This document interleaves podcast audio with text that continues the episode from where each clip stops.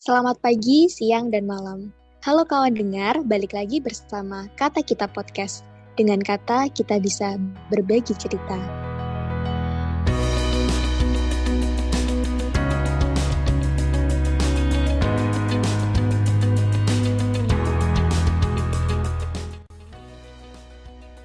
Oke kawan dengar, kali ini Kata Kita Podcast kembali mengudara nih bersama gue Emma dan juga ada Caca di sini Halo semua. Nah, kita mau ngajak kalian semua untuk berbagi cerita tentang satu topik ramat nih buat para mahasiswa. Hmm, gimana, Cak? Kira-kira tahu nggak nih kita mau bahas apa? Emangnya mau bahas apaan sih, Mak? Topik ramat apa? buat para mahasiswa. Oh. Aku tahu, aku tahu. Kayaknya tentang soal perskripsian duniawi nggak sih? Bener banget nih, Ca. Eh, ngomong-ngomong, selamat loh ya. Kamu kan udah lebih dulu berhasil naklukin si perskripsian ini nih. Jadi, congrats, Caca. Aduh, aduh, aduh, jadi malu. Terima kasih. Ayo, Mak. Yuk, cepet nyusul yuk. Gas, gas. Amin, amin. Sedang diusahakan nih. Eh, Cak, aku jadi langsung pengen nanya kan nih setelah kamu lewatin semuanya nih, kira-kira arti skripsi buat kamu tuh apa sih? Aduh, awal-awal udah dikasih pertanyaan aja nih, Bu. Apa ya, kalau menurut aku sih skripsi itu ibaratnya kalau kita kayak lagi main Ninja Warrior. Nah, untuk mencapai finish lainnya kan kita itu harus menghadapi banyak rintangan nih. Nah, begitu juga sama skripsi.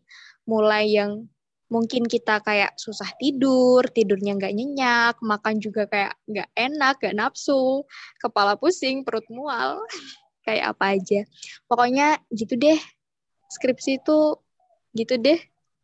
Kayak love-hate relationship. Aduh, aduh, berat juga ya. Ya pantas sih hampir semua mahasiswa tuh nganggep skripsi jadi momok yang menakutkan banget. Iya sih, setuju. Tapi ya, Mak, sebenarnya tuh nggak sesulit sama semenakutkan itu loh. Loh, gimana bisa nih, Cak? Sedangkan perihal ngurus skripsi tuh nggak cuma berputar tentang diri kita sendiri aja kan?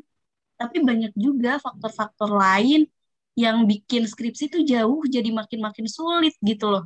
Kayak misalnya nih, ya kita tahu lah ya ada faktor dosen, birokrat, bahkan sampai tekanan dari orang-orang sekitar nih yang selalu aja nyecer kita nanya kapan sih kita lulus.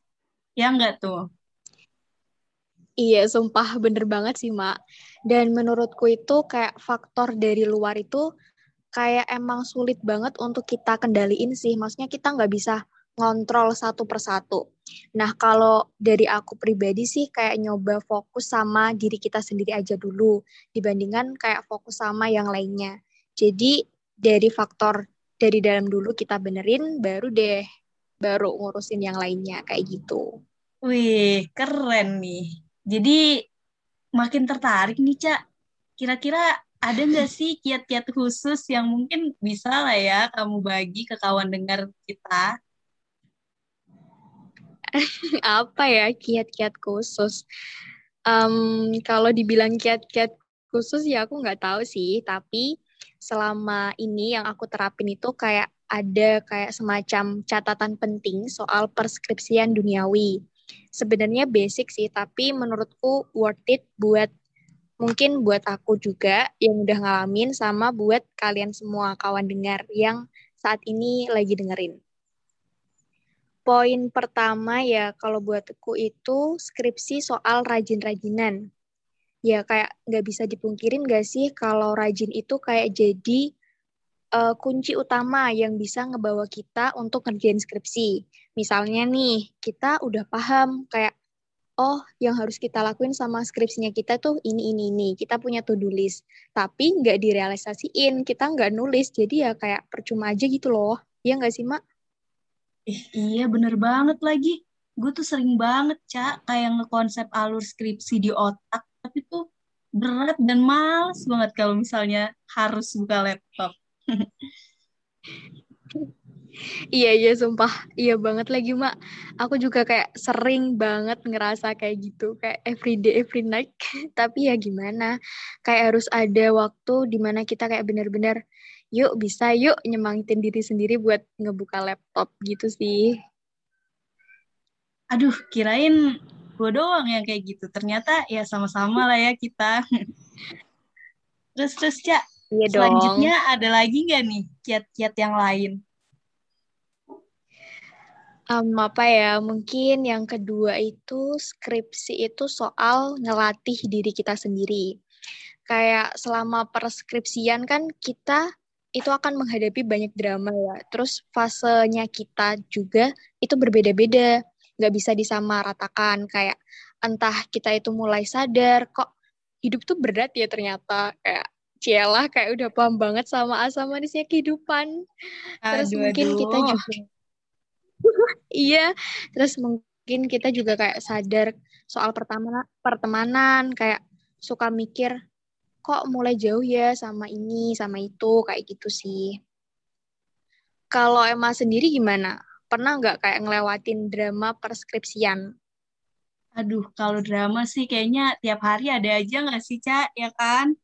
Kayak misalnya nih kayak misalnya nih kalau misalnya lagi males, ya males banget bu buka laptop. Tapi kadang kalau misalnya lagi rajin nih, aduh sampai gak inget waktu deh. Terus juga kadang suka tertekan sendiri kalau misalnya ngelihat teman-teman yang lain udah lebih cepat berprogres dibanding kita. Dan yang paling penting sih dan yang paling berat buatku tuh kadang aku merasa kayak aduh udah nggak punya temen lagi nih, udah nggak punya temen buat berbagi cerita nih, ter terutama di uh, persoalan perskripsian ini. Jadi ya emang berat sih. Iya bener-bener. Kayaknya yang denger ini juga kayak relate. Iya anjir kayak gitu. Kayaknya pada gitu sih, Mak. Tapi yang jelas itu sih semua itu pak apa pasti bakal terlewati meskipun ya banyak drama, tapi bakal terlewati. Hal yang terpenting itu gimana kita bisa belajar dari apa yang kita hadapin. Kayak misalkan kayak tadi yang udah Emma sebutin kan, jangan terlalu berlarut, gak usah dipikirin sampai stres, kayak gitu sih. Overthinking boleh, tapi jangan berlebihan. Padahal apa ya, misalkan kita overthinking terhadap sesuatu, itu tuh harusnya kita jadiin kayak hal buat dongkrak biar kita lebih bisa berproses, bisa memperbaiki diri kayak gitu. Jadi kita bisa ngolah terus nenangin hati, jiwa dan juga raga kayak gitu sih. Duh, bener banget nih. Aduh, jangan deh ya pokoknya overthinking sampai-sampai jadi stres. Eh, tapi jangan juga deh yang kalian ngebut skripsi tapi sampai lupa istirahat. Tipes nanti, guys. Oke, oke, Cak. Nah, lanjut nih. Yang ketiga ya, ada nggak nih yang ketiga, Cak? Iya loh, Mak. Jangan sampai tipes, Mak. Istirahat, Mak. Aduh. Yang ketiga. yang ketiga apa ya? Yang ketiga itu juga penting sih. Skripsi itu kalau bisa yang realistis aja. Ngomong-ngomong, kalau kamu sendiri tim idealis apa realistis nih? Tim-timan nih, Cak. Aduh, kalau aku apa ya, tergantung mood sih. Kadang ya idealis, tapi kadang ya realistis juga. Apalagi kalau pas habis bimbingan tuh. Aduh, realistis lah pokoknya. Aduh, habis bimbingan pasti lebih tambah jadi galau. Kalau kawan dengar sendiri, tim mana nih? Hayo, realistis apa idealis? Nah, soalnya, soalnya nih ya, kalau bisa dibilang itu idealis sama realistisnya suatu skripsi itu juga bisa jadi salah satu faktor uh, buat kita itu nentuin skripsi kita bakal lancar atau enggak kayak gitu. Dan ya it's up to you, tapi yakinin diri dulu kamu tuh bakal siap nggak sih sama langkah ke depannya. Nah, bener banget tuh guys, karena sebenarnya idealis sama realistis itu bisa juga nggak sih Cak kita patokin dari beberapa hal yang emang kelihatan. Kayak contohnya nih, kita bisa nih uh, jadi tim idealis atau realistis dengan berpatokan dari tema kita nih. Kira-kira udah banyak yang mengkaji belum sih? Apa jangan-jangan itu benar-benar orisinil dari kita nih? Terus juga kita juga bisa ngeliat nih apakah um, tema yang kita ambil nih udah banyak referensinya belum? Karena kalau kita nyusun skripsi tapi referensinya baru sedikit kan nanti ujung-ujungnya berat juga ya, Caya. ya. Dan selanjutnya nih. Iya, benar. Kita bisa ngelihat dari metode yang kita pilih, itu kira-kira kita bisa nggak sih bertahan sama metode itu. Terus juga ada lingkup tema. Ini tuh benar-benar kita kuasai atau kayak masih ngambang sih kalau misalnya pun masih ngambang, kita juga bisa nih nentuin kita mau nggak sih usaha untuk memahami itu atau kita ngambang dan kita mager juga buat belajar. Kayak gitu sih guys. Jadi bisa lah ya kita patokin dari beberapa hal. Kita mau jadi tim idealis atau realistis. Nah iya bener banget Mak. 100. Pokoknya yang kayak kamu sebutin itu sih Terus idealis sama realistis itu juga soal perspektif kita masing-masing. Mau kita itu buat skripsi sekedar lulus atau kita mau kayak ada gebrakan atau manfaat buat lingkup kita sekitarnya. Misalnya nih, contoh sederhananya sederhananya kita uh, di jurusan pendidikan. Nah, paling nggak skripsinya kita itu bisa jadi solusi untuk permasalahan pendidikan. Jadi, disesuaikan sama diri kita sendiri. Luar gitu biasa. Aku speechless gitu loh, Ca, dengerin penjelasan kamu. Karena ternyata tuh skripsi yang nggak sekedar tugas akhir kuliah ya, tapi tuh bisa juga jadi alat yang menghantarkan kita untuk ngejalanin proses mendewasakan diri gitu ya nggak sih? Iya, aduh, cakep, cakep, cakep. Iya sih, bener banget, Mak. Setuju. Nah, ngomong-ngomong nih, Cak, kan tadi ya kita udah berbagi cerita soal ya kiat-kiat untuk mempermudah skripsi nih. Nah, aku mau tanya nih, kalau untuk prakteknya nih, kamu kan udah ngelewatin nih, gimana sih pengalaman kamu untuk ya kemarin ngelewatin skripsi itu? Aduh, jadi malu. Uh, gimana ya? Oke deh, sharing dikit ya, Mak. Oke. Soal pengalamanku kemarin Iya, soal peng pengalamanku kemarin ngerjain skripsi, aku dari awal tuh kayak udah pengen sok idealis nih, si idealis banget, kayak pengen bener-bener ada inovasi dari akunya sendiri. Tapi ternyata susah juga ya bun, kayak apa ya yang bisa kita buat inovasi, kok kayaknya udah ada semua, kayak gitu. Sampai akhirnya kemarin milih topik metakognisi, yang mana itu malah kayak bikin pusing sendiri kayak semakin dipelajari tuh semakin ba banyak baca jurnal itu semakin bingung jujur. Tapi balik lagi sih kayak sesuatu yang udah dimulai kan harus diselesaikan ya. Iya dong. Iya dong. Iya nah itu jadi akhirnya kayak oke, okay, aku harus men-challenge diriku sendiri. Bisa nggak nih nakulkin si metakognisi ini kayak gitu. Terus pelan-pelan kayak ngubah rasa ambisnya apa dari si idealis kayak yuk pelan-pelan yuk realistis aja yuk nggak usah muluk-muluk biar hidup kita mudah. Tapi kan kadang apa ya hidup itu mengajarkan kalau ada yang susah ngapain milih yang gampang.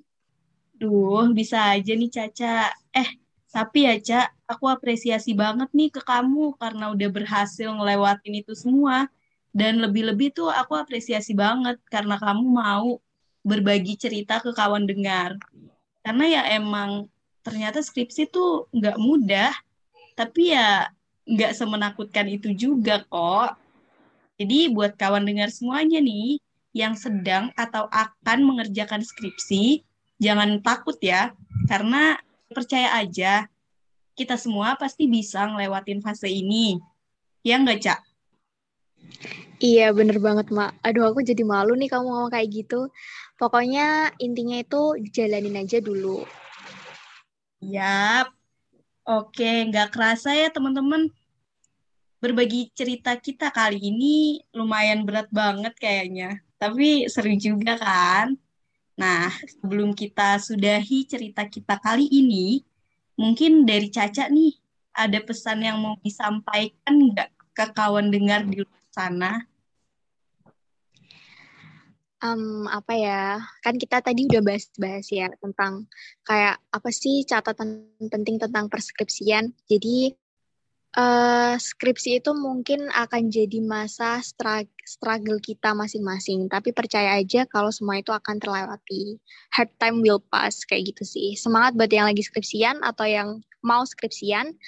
Eh, nggak uh, usah takut. Kita itu semua sama, kita semua manusia. Jadi uh, semua itu punya jalannya masing-masing. Oke oke guys, sampai di sini aja berbagi cerita kita kali ini. Yang barusan pastinya udah ditutup sama pesan penyemangat nih dari Caca. Thank you juga buat Caca dan buat kawan dengar semuanya yang udah dengerin kata kita podcast kali ini. Dan sampai jumpa di kata kita podcast episode selanjutnya. Sampai jumpa. Have a nice day semuanya kawan dengar.